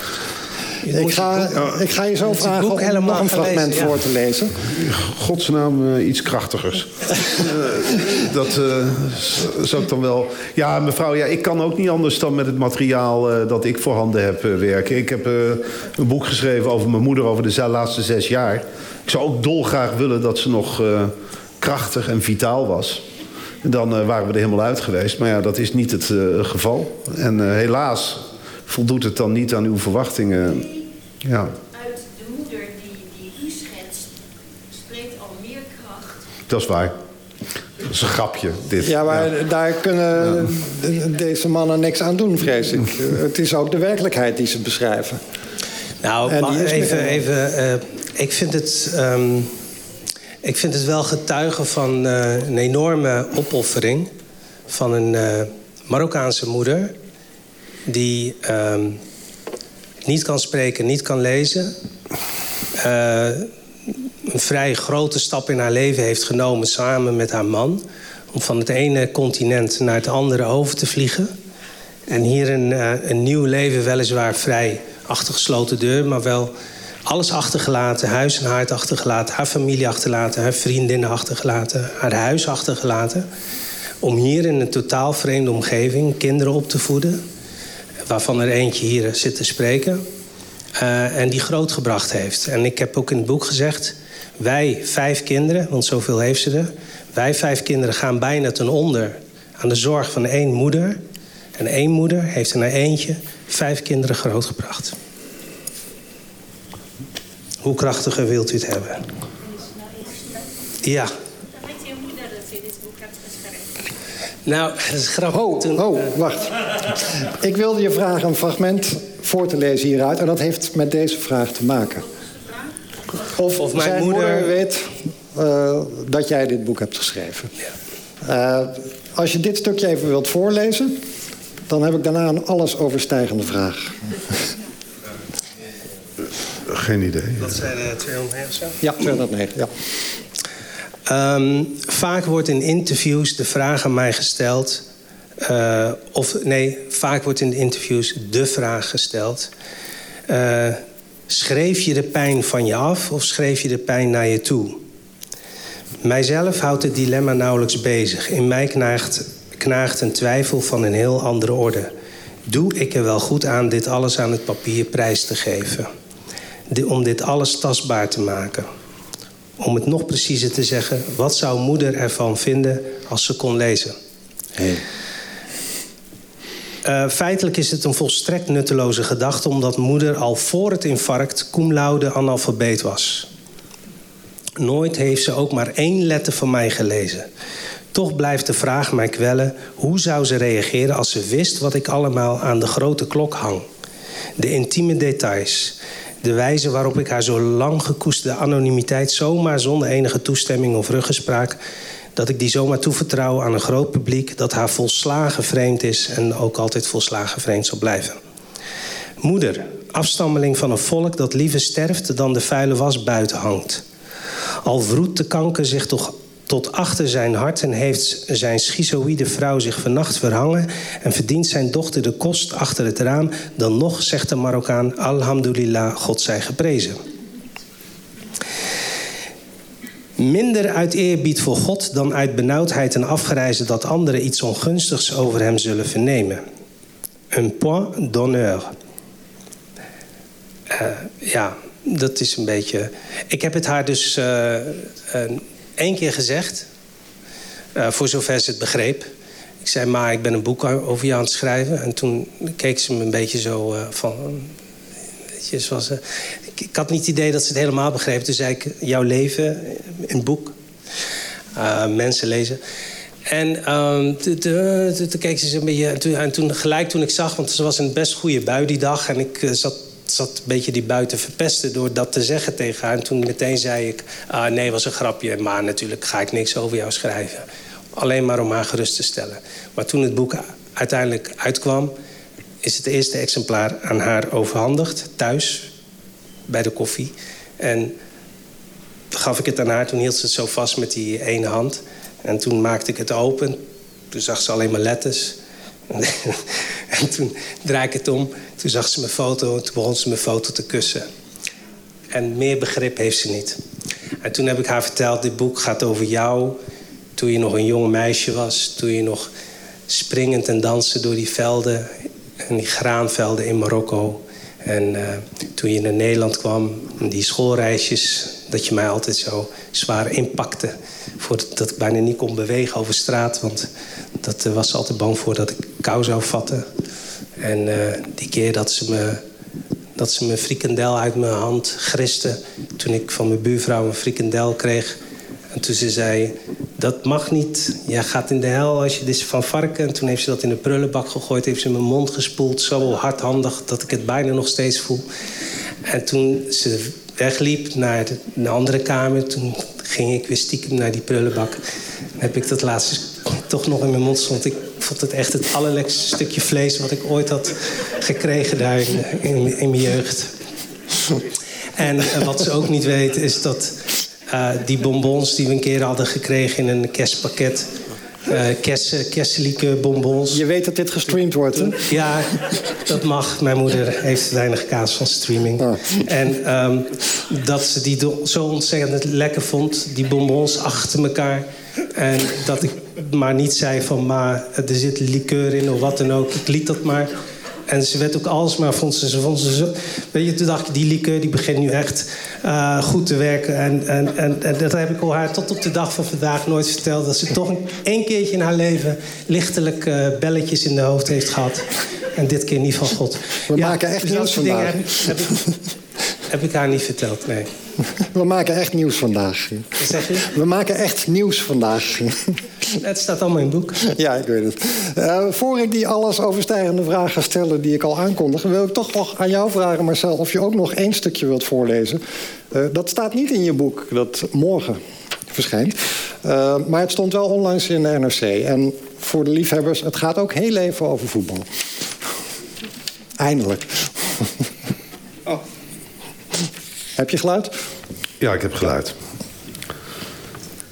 Ik had me de halve dag met Theo, in, met Theo Jansen in Arnhem laten interviewen... over het boek dat we samen gemaakt hebben. Daarna ging ik naar Velp. Met twee winterschotels van slagerij De Haas aan de Hoofdstraat... glibberde ik naar het huis van mijn moeder. Ze maakte een ingesneeuwde indruk. De woning voelde dan wel aan als een terrarium. Van binnen had ze het koud. En je moet straks ook paracetamols voor me halen. Ik heb ze allemaal opgegeten. We prakten in onze maaltijden. De plastic bakjes waren gesmolten in haar nieuwe magnetron. Af en toe doorbrak ze het zwijgen. Ze liet haar vork zien. Toch nog een stukje rookworst gevonden. We keken naar het NOS-journaal. Grote ergernis dat er zo weinig aandacht was voor haar nieuws van de dag. Dat sneeuw op de weg de dag erop altijd zo lelijk aanvriest. Ze waarschuwen wel voor sneeuw, maar de dagen daarna is het veel gevaarlijker. Je moet straks ook even de stoep sneeuwvrij maken. Haar gedachten gingen uit naar al die duizenden andere weduwen... die niet het geluk kenden om zo'n zoon als ik te hebben. Wat doe je hier eigenlijk? Ik zei dat ik met Theo Jansen was geweest... en dat we hadden moeten lachen om een fotograaf... die zich er niet bij neer kon leggen... dat we zijn creatieve foto-idee hadden afgewezen. Hij wilde dat ik voor Theo zou knielen... en dat ik zijn hand zou kussen vanwege de boektitel... vanwege de term de dikke prins. Ze begrepen niets van, maar het woord boek was wel gevallen. Ze legde mes en vork naast haar bord en zei... en nou hoor ik bij Jansen en de Feiter in de Emmastraat, dat is de boekwinkel... dat Jan Siebelink een boek over me gaat schrijven. Moeder de vrouw, waarom doe je dat zelf niet? Ik moet haar verbaasd hebben aangekeken. We hebben in deze familie allemaal de neiging om te veel op onszelf te betrekken. Maar hier trok ze een hele boekenweek naar zich toe. Geen, geen zin, zei ik. Ik dacht, laat iemand anders het maar eens doen. Ze maakte een wegwerpgebaar. Belachelijk. Er kwam een klik uit de enorme klokken op het dressoir... die niet alleen de tijd aangaf, maar ook welke dag en welk jaar het is. Van je broer gekregen, zei ze. Kijk, vandaag is het woensdag. Je moet morgen bij het ontbijt eigenlijk weer kijken. Dan is het donderdag. Toen ik dat de volgende ochtend braaf constateerde... zei ze op een toon alsof we er een meningsverschil over hadden... ik zei het je toch. Wat mij brengt op de kernvraag moet je alles uh, zomaar willen opschrijven? En hoe vinden die moeders dat? Van jou weten we dat nu inmiddels, Mohammed. Maar jouw moeder uh, kan praten. Ze weet, ja. ze wist, ze weet dat alles wat daar gebeurt... dat kan, kan morgen in de krant staan. Ja, toch niet alles, moet ik eerlijk zeggen. Er zijn wel degelijk grenzen. Ik vind uh, dat je echt pijnlijke dingen... niet moet opschrijven. Ik heb een gehandicapte broer. Daar gebeurt ook van alles mee. Dat, schrijf ik nooit over. Nee. En uh, dat raakt haar ook echt. Mm -hmm. nou ja, dan zijn er nog wat lichamelijke kwalen waar ik niet over schrijf. Mm -hmm. Waar ze wel over liegt. Uh, wat op zich hele grappige uh, gegevens zijn, maar daar, daar, schrijf ik dan niet over. Wat liegt ze daarover? Dat ze nou, bijvoorbeeld om, uh, ze is incontinent. Voor deels soms. Mm. En een vriend van mij, Gijs Groenteman, die, die toert door het land met een voorstelling met Harry Banning. -hmm. Dus ik zei, uh, hij zei tegen mij, goh, we treden op in, uh, in Arnhem.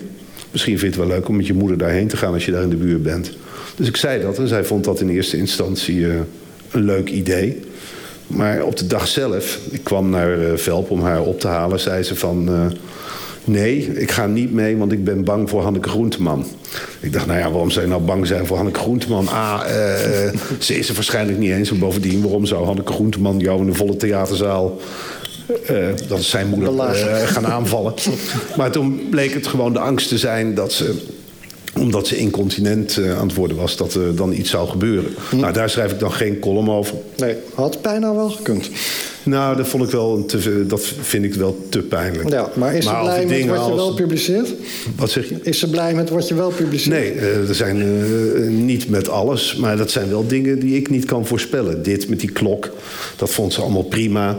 Oh. En er zijn ook, uh, af en toe heb ik kranten gevonden daar in huis... Uh, met teksten erbij die zij erbij heeft geschreven van... Uh, nu lieg je toch weer alles aan elkaar. Of dit klopt niet. Ze of, leest jou wel. Ja, ze leest mij. Of leugens. Maar ja, ze, le ze, leest dat niet vooraf? Nee, ze leest het niet vooraf. Nee. En, er, zijn, er is één keer een scène geweest... omdat ik had opgeschreven... nou ja, dat haar mixer stuk was. Mm -hmm. uh, uh, nou, ze zou met kerstmis koken, ik geloof champignonsoep, maar haar mixer was stuk. Dus dat had ik opgeschreven. En zij ging naar een verjaardag van een ook bejaarde buurvrouw. En daar was ze mee geconfronteerd dat haar mixer stuk was. Nou, daar was ze danig van ontdaan dat ze uh, op die verjaardag heeft verlaten. Nou ja, goed, dat vind ik dan wat overdreven. Ja, het gaat over een mixer. Dat had ik niet zo ingeschat. En uh, voor de rest zie ik het als mijn vrijheid om toch redelijk onschuldige dingen. We hebben een keer een conflict gehad. Uh, zij brengt iedere maandag een uh, plant naar het graf van mijn vader. Een, mm -hmm. ja, soort vergeetmenietje plantje. En zij had bij het tuincentrum 69 plantjes gekocht. Dus ik had opgeschreven, nou ja goed, ze heeft ze in voorraad. Nou, dat vond zij heel veel van het charmante gebaar... alsof mijn vader meelas, af kunnen lezen. En uh, ja. daar kan ik me dan niet in verplaatsen. Maar andere verwijten die ze me maakte... bijvoorbeeld bij de begrafenis van mijn vader... had ik... Uh, nou, ik vond het schijnbaar zinnig of wat dan ook... om die begrafenis te beschrijven. Toen had ik geschreven een, uh, een kist van spaanplaat Dat was ook zo. Maar zij had toch wel graag gehad dat ik daar een eikenhouten kist van had gemaakt. Dat zijn dan dingen die ik van tevoren niet zie aankomen. Nee, dat begrijp ik. Maar, Maar dat vindt ze niet altijd even leuk. Maar ik vind het onschuldige dingen die wat zeggen over wat groters. En we hebben maar- wel een soort consensus bereikt over wat... we- Ik bedoel, ik schrijf ook niet te denigrerend over haar zorgverleners. Terwijl ze daar zelf wel heel denigrerend soms Ja, ja. over praat. Zij zou liever zien dat je dat wat, wat aanzette. Nee, juist helemaal niet. Eh, Oh. ze, is bang dat ze is bang. eh, mensen op leeftijd zijn vaak bang. Heel gek. Eh, het gezag wat je als kinderen hebt valt echt in het niet eh, bij het gezag eh, van een 30-jarige jongen op gymschoenen die de zorg komt verdelen. Daar zijn ze echt bang voor. Ze zei laatst tegen mij van goh, een nieuwe zorg, zorgmanager. ik mag voorlopig thuis blijven wonen. nou ja, dat vind ik een hele rare conclusie. Ja. Van dat, je, dat er iemand een wild vreemde loopt je huis binnen en die trekt die conclusie. Terwijl je nog bij bent. En daar mag ik dan niet over schrijven. Zoals als te dood. Ze zei straks leest hij het, dan moet ik alsnog weg. Eh, dus ehm, eh, was En heb jij het gedaan? ja, want ze heeft door mij, zo ziet ze het... ze, ze heeft- ze had een auto tot op latere leeftijd. Er was al wat discussie over op die auto. Over die auto, een Suzuki Swift. Ze reed echt eh, als 85-jarige als een gek door Velp, mag ik toch wel zeggen. Ze heeft de kerk binnengereden op een zeker moment op zondagochtend. En daarna haar eigen voortuin. eh, nou ja, het was gewoon te zien hoe ze geparkeerd had. En eh, daar heb ik toen wel wat over geschreven. En toen eh, trokken anderen de conclusie dat de auto weg moest. Dus sindsdien wordt mij een soort kracht. Ja, ja. afpakkracht noemt ze het. ze noemt het, je hebt geen pen, maar een toverstaf. Je maakt alles weg, zegt ze. Nou ja, Is ook een beetje zo. Hè? is wel zo, ja. Maar dat zijn wel, ja, daar laveert het tussen. En ik vind, eh, het gaat echt om kleine irritaties, kleine gebeurtenissen. En de echt grote dingen. Een, een ander ding, een, eh, al haar broers en zussen zijn dood. En eh, vorige week ging een, was de begrafenis van een vrouw van haar broer. Dus een tante van mij.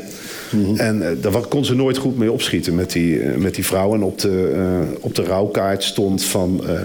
iedereen neemt één bloem mee. En toen zei mijn moeder, wat ik heel grappig vond... van ja, meer zou ook niemand hebben meegenomen voor haar. Dus dat vind ik een bepaalde manier van humor. En dat schrijf ik dan niet op om haar te beschermen tegen de Ja, ja. familietoren. Dus Wel ik hou wel degelijk een soort... Nou, ik hou wel degelijk een soort... vind ik dan, dat, overigens mijn zus het niet helemaal mee eens hoor... maar ik hou wel zegelijk een soort zeef die ik dan vasthoud. eh. Hm. In jouw boek, zo eerlijk ben je dan toch ook wel weer. Tenzij ook dat fictie is. Maar in jouw boek wordt wel eens geklaagd door jouw moeder of door de buurvrouw.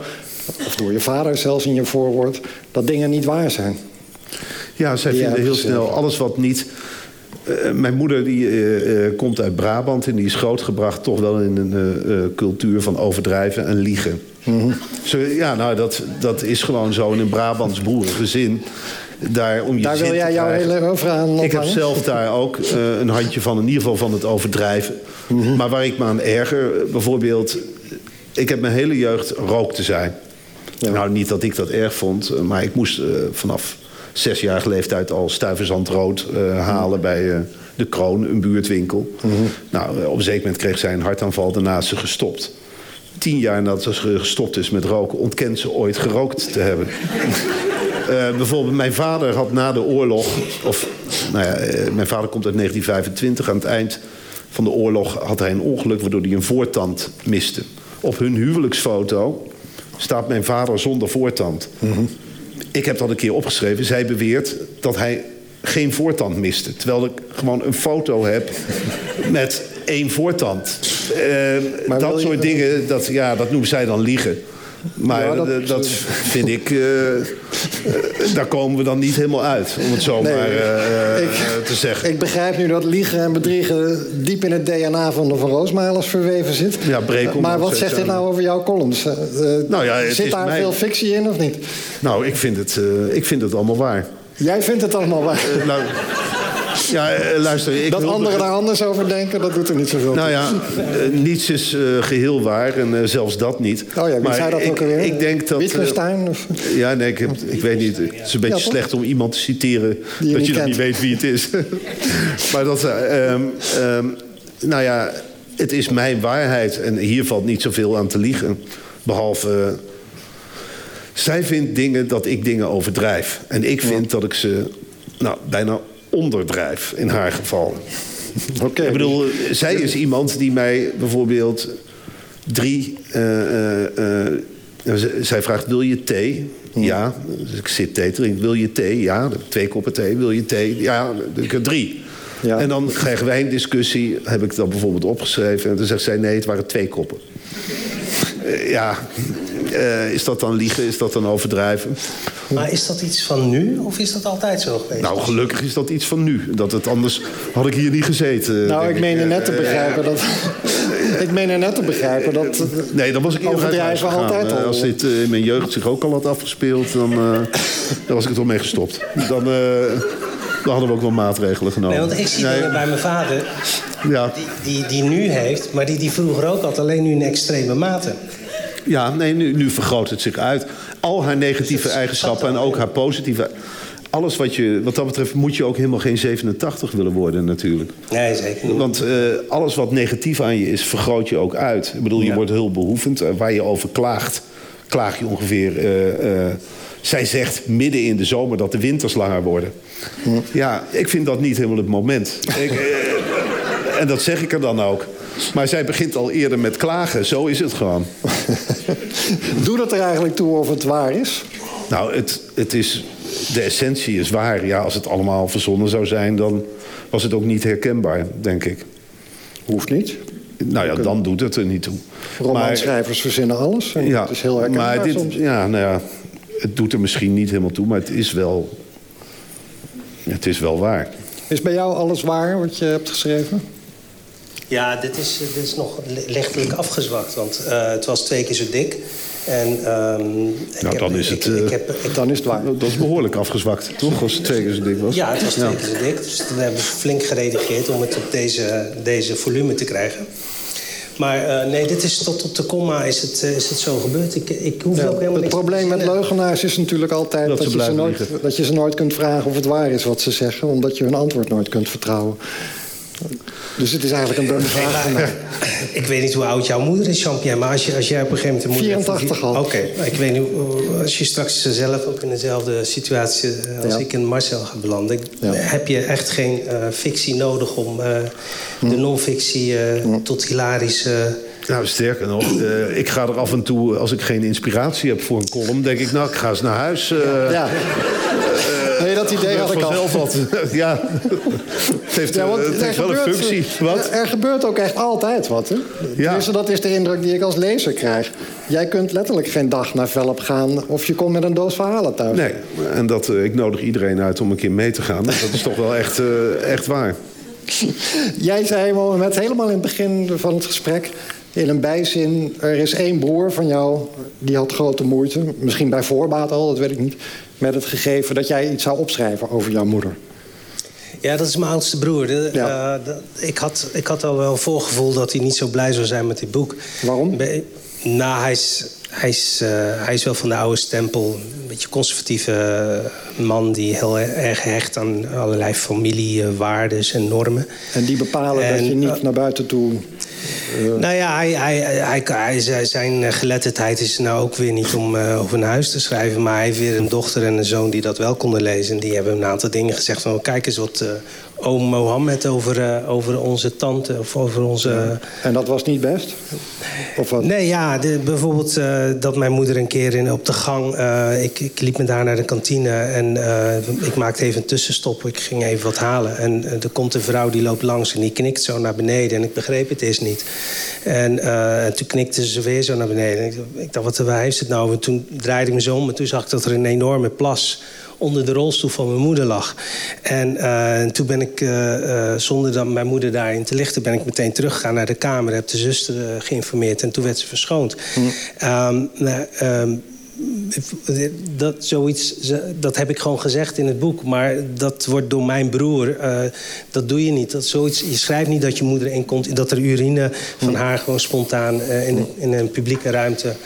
Uh, Vindt, je dat, mijn moeder, vindt dat nog steeds? De verhouding tussen mijn moeder en de kinderen is, is, is zo dat als wij, toen wij de, de puberteitfase voorbij waren.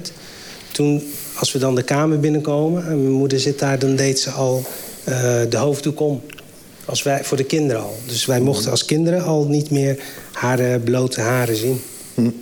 En um, ja, uh, ik heb ook nooit mijn moeder het toilet zien binnengaan en toilet zien uitgaan. Hm. Alleen als, als, het heel, als ik een keer het toilet binnenging en ik vond de wc-bril behagelijk warm dan wist ik dat mijn moeder daarvoor was geweest. Ja. Maar, maar even, even terug naar, naar, die kritiek. Vindt jouw broer nog steeds dat je dit niet had moeten opschrijven? Ja, dat vindt hij nog steeds. Ja, ja. ja. Je, je, hebt ook een prijs gekregen. Het kon zijn dat, dat ze achteraf inzagen van... nou, het heeft, heeft toch zijn waarde gehad. Of, dat je dit boek schreef. Jazeker, want er, is, er, is, eh, er, zijn heel veel conferenties. We hebben het niet over gehad, maar logopedie in Nederland is ook alleen maar uh, toegespitst voor mensen die kunnen lezen en schrijven. Ja, ja. Dus als je niet meer kan praten, dan krijg je logopedie. Ja. En dan krijg je allerlei oefeningen en uh, opdrachtjes. Maar die, die, zijn alleen, die zijn heel schools. Dus die kan je alleen snappen als je school hebt gehad. En alle mensen in Nederland, niet alleen uh, migranten... er zijn ook heel veel autochtone Nederlanders die analfabeet zijn. Als die afatisch worden, hebben die ook een probleem. Want de methodiek... En dus dat, dat ontdekte ik in dat, uh, in dat verpleeghuis. En daaruit zijn allerlei conferenties geweest om daarover te praten. Dus in die zin heeft het boek ook wel, uh, ook wel zijn, waarde, zijn waarde gehad. Maar, ja, maar broer van mij, dat is best een hypocriete man. wil ik best oh. gerust zeggen. Want toen ik tegen hem zei, toen hij dus zoveel moeite had... met al die dingen die ik over mijn moeder schreef... Toen zei ik, uh, wil je een deel van de royalties? Uh, toen zei hij, hoeveel is dat dan? Ik zeg, nou, 10% krijg ik per boek. Dat is in dit geval 2 euro. Ik zeg, als we dat nou eens uh, delen. Uh, toen zei hij, nou, daar wil ik wel eens over nadenken. en mijn vader die zei op een gegeven moment... Die zei, wanneer komt er eens een keer een boek over mij? ja. ja, toen zei ik, dan moet je eens een infarct krijgen. Die prijs vond hij te hoog? nou, volgens mij is het nu erger dan toen dan een infarct. Maar uh, hij, kon, hij kon er wel om lachen. Zijn er in jouw omgeving mensen die vinden dat je dit niet kunt maken eigenlijk, wat je met je moeder doet? Ja, een, eh, een overbuurman moet ik... Uh, in Wormer of in Velp? In Velp. Ja. Die woont tegenover mijn moeder. En uh, ik had een keer geschreven dat ze de melk had laten aankoken of de aardappels. En mm. uh, hij kwam stoof op me af toen ik Velp binnenliep. Mm. Hij zei, weet je wel wat je aan het doen bent? Ik zei, nou, ik heb geen idee. wat is er aan de hand? Toch een hij beetje story van, nou ja, dit, ja, hij zegt, de huizenprijzen die gaan er helemaal aan. ik wil mijn huis te koop zetten. En, als er hier tussen bekend wordt dat er een vrouw is die vuur stookt... zo noemde hij het, dan, nou ja, dat. En, Had hij wel een punt, vind Nou ja, ik heb een broer die dus schizofreen is... en die heel veel dingen op zichzelf betrekt. Ja. En daar die kan er helemaal niet tegen. En hm. die, die heeft wel de gekke eigenschap dat hij... Uh, hij is ook blind, hm. maar dat hij alle stukjes die ik schrijf aan zichzelf uh, laat voorlezen door een uh, hulpverlenster. Oh. En daar vervolgens van overstuur raakt af en toe. Mm. Dus dat is wel een soort uh, oppositie die... en weer, weerhoudt je dat op een of andere nee, manier? Nee, dat weerhoudt, nee, dan kan ik wel stoppen. Ja, nou ja, dus, dat zou je ook kunnen overwegen. Ja, maar dat doe ik niet. Ik vind dat toch... nee, daar luister ik niet naar. Hm. Want waarom wil je het eigenlijk wel opschrijven? Nou, omdat ik het zelf grappig vind. En ik denk dat het voor wat groter staat. Dat heel veel mensen dit soort dingen uh, meemaken. En ik, ja, uh, ik vind het ouder worden wel een interessant uh, proces. Ja. Ja, iets anders heb ik niet. En ik ben altijd op zoek naar het menselijk tekort. En in één keer speelt het zich onder mijn neus af. ja, zo lui ben ik dan ook wel. Dat ik dan denk van, nou ja, goh, waarom schrijf ik eigenlijk hier niet over... in plaats van ja. het ergens anders te gaan zoeken. Ja, ja. Krijg je veel reacties op die stukjes in Nederland? Ja, ik krijg heel veel reacties. Zij overigens ook. Ja. En, Allemaal en meestal, zijn, nou, meestal zijn die wel positief. Ja? Ja. Ja, sommige mensen vinden het... Uh, ik heb ook wel eens negatieve reacties gehad. Mensen die vinden dat je dat niet doet. Mm -hmm. Ik heb één fervente briefschrijfster, telkens dezelfde vrouw... die het heeft over uh, oudermishandeling. En dat vind ik echt een stap te ver. Ja, dat vind ik het niet. Maar dat kan een verschil van inzicht zijn. Ik vind mezelf niet uh, medogeloos. Het kan nog veel erger, bedoel je? Het kan veel en veel erger. Ja, je hebt het gelezen. Jij vindt het toch ook wel redelijk onschuldig, neem ik aan. ja. Nou, ik vroeg me er een paar dingen bij af. Maar ik heb, nou, ja, maar ik heb er absoluut je... om gelachen. Maar, maar wat vroeg je je af dan? Wat zou je zelf dan niet doen? Uh, nou, eigenlijk vooral waar ligt de grens van wat je wel en niet uh, kan en mag maken. Met je moeder die langzaam achteruit gaat. En, waar, waar, en waar ligt dan die grens? Ja, dat weet ik niet zo goed. Um... Ja, er zijn ook hele boeken volgeschreven. Onder andere door Hugo Borst over uh, de ultieme fase. Ja. Ja, ja snap je? Ja. Dan, dan, uh, ja. Wat is er dan erg aan de fase daarvoor? Ja. Ja, nee, dat weet ik ook helemaal niet zo goed. Nou, het gevaar ligt op de hoek dat je verweten wordt. Ik zeg niet dat ik dat vind, maar ergens ligt het gevaar om de hoek dat je verweten wordt dat het ook een soort leedvermaak is. Of een soort uh, gebruik maken van. Ja, dat zou kunnen. Ja. Maar zo voel ik het zelf helemaal niet. Nee. Ik maak wel gebruik van hoor. Uh, ja, van wat zich voor mijn ogen afspeelt. Ja. En jouw moeder protesteert ook niet echt, hè? Laten we dat nog even... Nee, maar soms wel.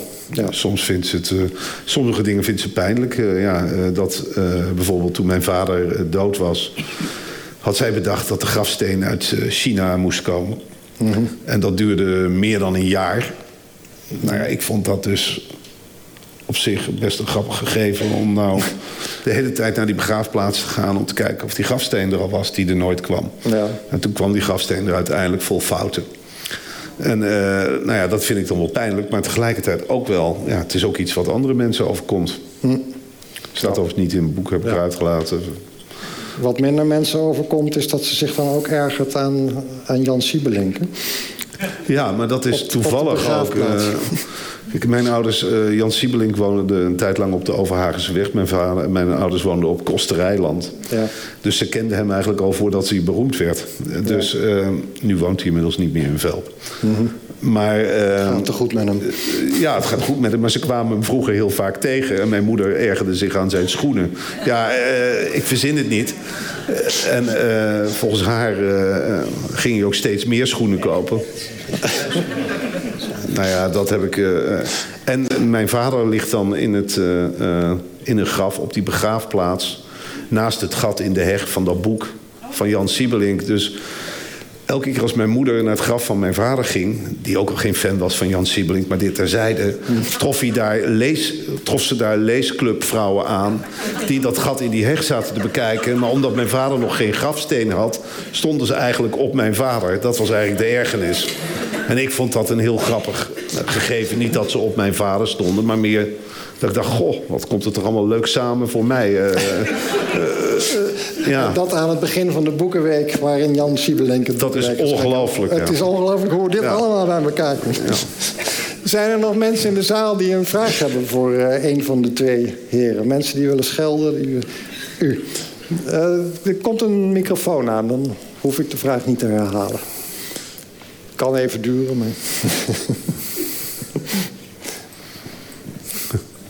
Jawel. Uh, Marcel. Marcelli, ja. Daar gaan we al. ja.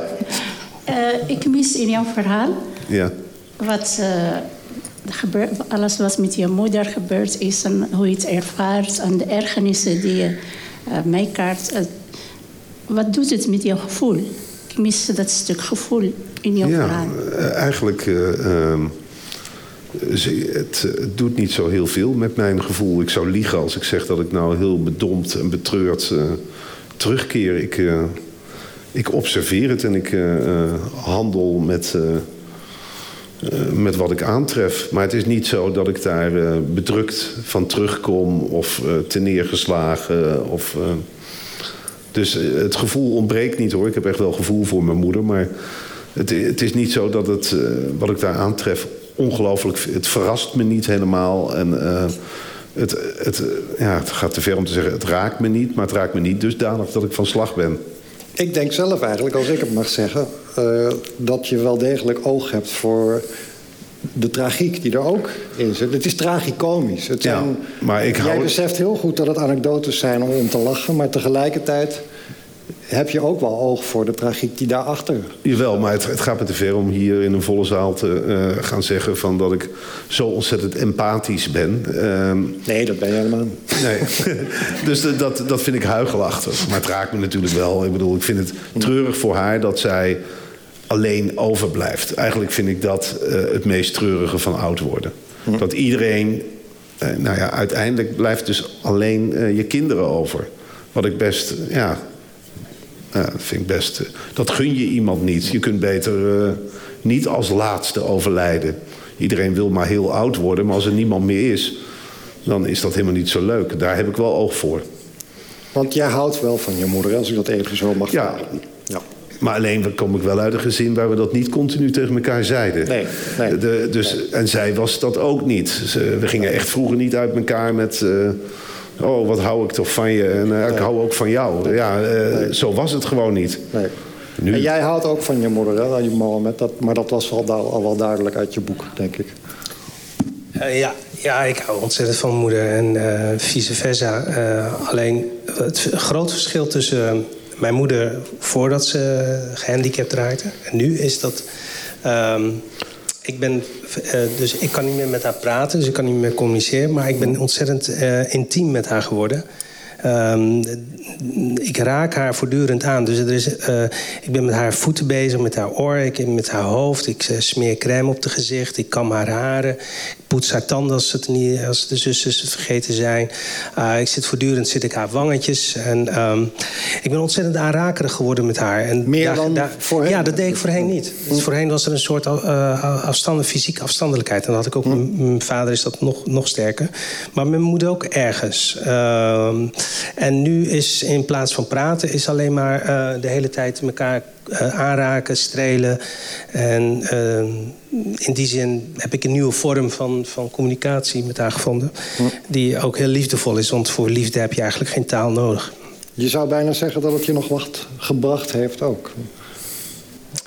Ja, in die zin heeft het misschien wat meer, meer mens van me gemaakt. Ja. Als je het zo bedoelt. Dat is toch mooi. Is er nog iemand die een vraag... Ja, die meneer. Uh, dat is een vraag voor uh, Marcel. Uh, jouw stijl van praten vind ik heel komisch. Dat merk je natuurlijk ook aan het publiek. Heb je dat altijd gehad, die stijl? Of... Ja, hoe doe je dat? ja, dus op een zeker moment ingestudeerd. En, uh, nee, dat is wel gewoon uh, hoe ik ben. Dat, uh, ik ken hem al langer en ik kan dit beamen. Hoor. Ik vergroot het soms wel uit hoor. Als ik dan merk dat er heel veel mensen lachen, denk ik, nou, gooi er nog maar een schepje bovenop. Zo is het wel. Maar het is wel hoe, hoe ik ben. En ja, mijn vader was ook zo. Zijn er nog mensen die iets willen weten? Is er niemand die wil weten hoeveel Marcel nou verdiend heeft met die top 1 notering? Ja, toch? Vertel eens even, Marcel. Hoeveel ik daar verdiende? Ik verdien uh, met, met wat? Met dat boek van je, die Theo Jansen. Je staat ineens van de ene week op de andere. Je ja, maar dat valt dus reuze mee. Uh, Vertel. Nou ja, je, tegenwoordig hoef je niet zo heel veel boeken te verkopen... om, om heel hoog te staan in, nee. die, in die top 10. Ik verdien 1,70 euro per verkocht boek. Bruto. Bruto. En dat dus moet dat je is delen netto, met Theo Jansen. Dat moet ik delen met Theo Jansen, dus dat is dan dus 80 cent. 85 cent. En daar moet dan nog belasting vanaf. Dus dat is uh, uh, 55 cent, denk ik, per verkocht boek. En er zijn nu 23.000 boeken verkocht, geloof ik. Dus het valt uiteindelijk wel mee. Dat is dan 12.000 euro. Ja, ja, nou ja, goed. Nou, dat vind ik wel weinig voor als je de hele dag als miljonair wordt aangesproken. snap je? Dan, ik vind het best veel geld, maar het is niet zo dat je dan denkt van... goh. Maar die mythe moet je vooral in stand houden. Ja, Succes versterkt zichzelf, dat weet je. Ja. Bovendien kunnen mensen na afloop hier jouw boek ook nog kopen... dus dan loopt dat saldo toch weer gestaag op. Ja, het is... Uh... Sorry? Nee, maar er zijn andere boeken, mevrouw. Dat is een heel rijk oeuvre. dat, uh, het is niet zo dat u... U moet uh, toch proberen alle boeken te verzamelen. Spaar ze allemaal. Ja. En dat is het leuke ook. Ik druk ook dingen dubbel. Dus in de, een van die andere boeken vind je mijn moeder ook weer terug. Dus,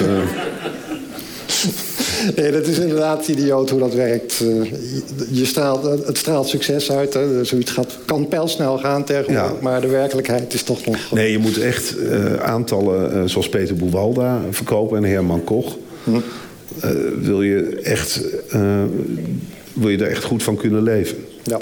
Daarentegen, zoals dit soort dingen, als je een boek hebt wat redelijk verkoopt, zit je in één keer ook hier. Ja, nou dan... Dat is ook, uh, we weten allemaal waar dat van inkomsten.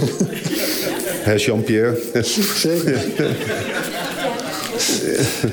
Iemand nog een slotvraag? Ander, ja, daar. Ja. Uh, ik had nog een vraag voor uh, Marcel ook. Ja. Uh, de titel van het boek is Het zijn de kleine dingen die je doet. Nou ja, ja. Maar ja, ik ben daar zelf ook niet zo enthousiast over. Nee, want dat zei het boek is leuk. Want uh, had het een andere titel. Uh, ja. ik, ik zei toch niet dat je dood moest of zoiets. zoiets ja.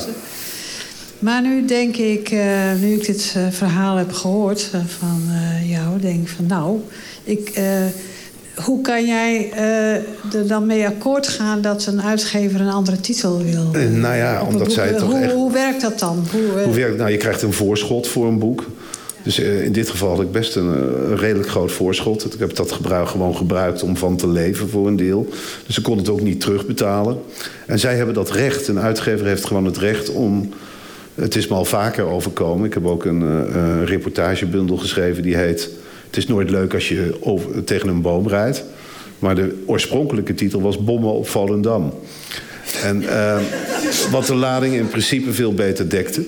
Maar, uh, Ietsje minder verkoopbaar werd geacht. Ja, maar dat werd niet verkoopbaar geacht. En zij vonden dit, en ze hebben eigenlijk achteraf wel gelijk... zij vonden die titel uh, te hard.